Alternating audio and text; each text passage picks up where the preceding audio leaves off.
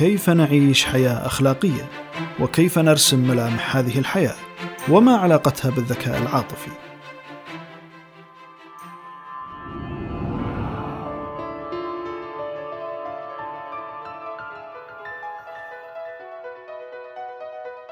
حياكم الله أخوكم إياب المجول وحديثنا اليوم عن مهارة الحياة الأخلاقية. وما هي أبرز ملامحها؟ وكيف ترتبط مهارة الحياة الأخلاقية بالذكاء العاطفي؟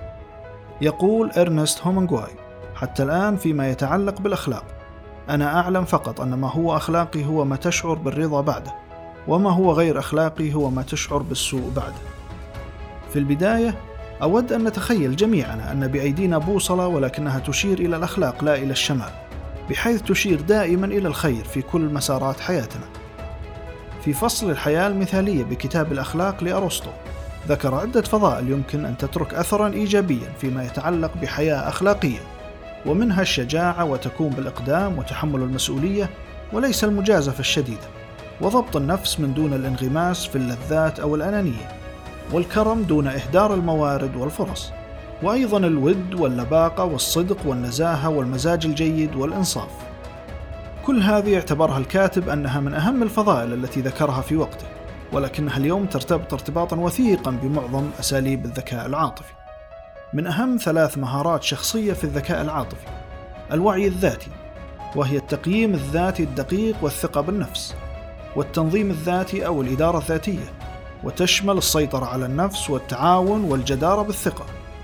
والأخير هو الدافع حيث يكون هذا الدافع موجه للخير والإنجاز وتحسين الذات. يتبين لنا أن هناك ارتباط وثيق بين الحياة الأخلاقية والذكاء العاطفي ويقع تحت الحياة الأخلاقية عدة جوانب يمكن تسليط الضوء عليها اليوم ومنها القيادة الأخلاقية والأخلاق في الحياة المهنية والاستهلاك الأخلاقي.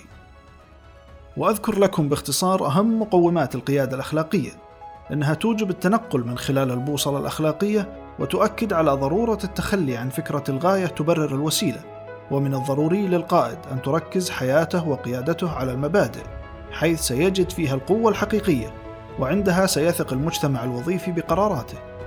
أما الأخلاق في الحياة المهنية فإنها الدور الذي يركز على الخير مثلا في القانون والطب وبعض المهن التي يمكن من خلالها تقديم الأخلاق بشكل مهني دون تعارض مع دليل المهنية. وأهم عناصر هذا المعيار هو قاعدة لا ضرر ولا ضرار. وأما الاستهلاك الأخلاقي يكون من خلال جانبان مهمان للغاية. الجانب الأول هو الإنتاج الأخلاقي وهو ما يتم إنتاجه دون ترك فائض قد يسبب ضرر بالبيئة مثلا.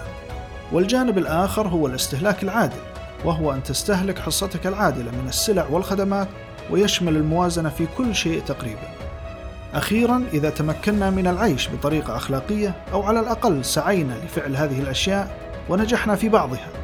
فمن المحتمل أن نكون أكثر سعادة حتى وإن ساءت الأمور فلا يزال من الأفضل أن نتصرف بشكل أخلاقي. يسعدني تلقي أمثلة منكم عن مهارة الحياة الأخلاقية وما هي أهم الجوانب التي جذبت اهتمامكم. إلى هنا نكون قد أنهينا موضوعنا لهذا اليوم. ألقاكم بخير ودمتم بحفظ الله.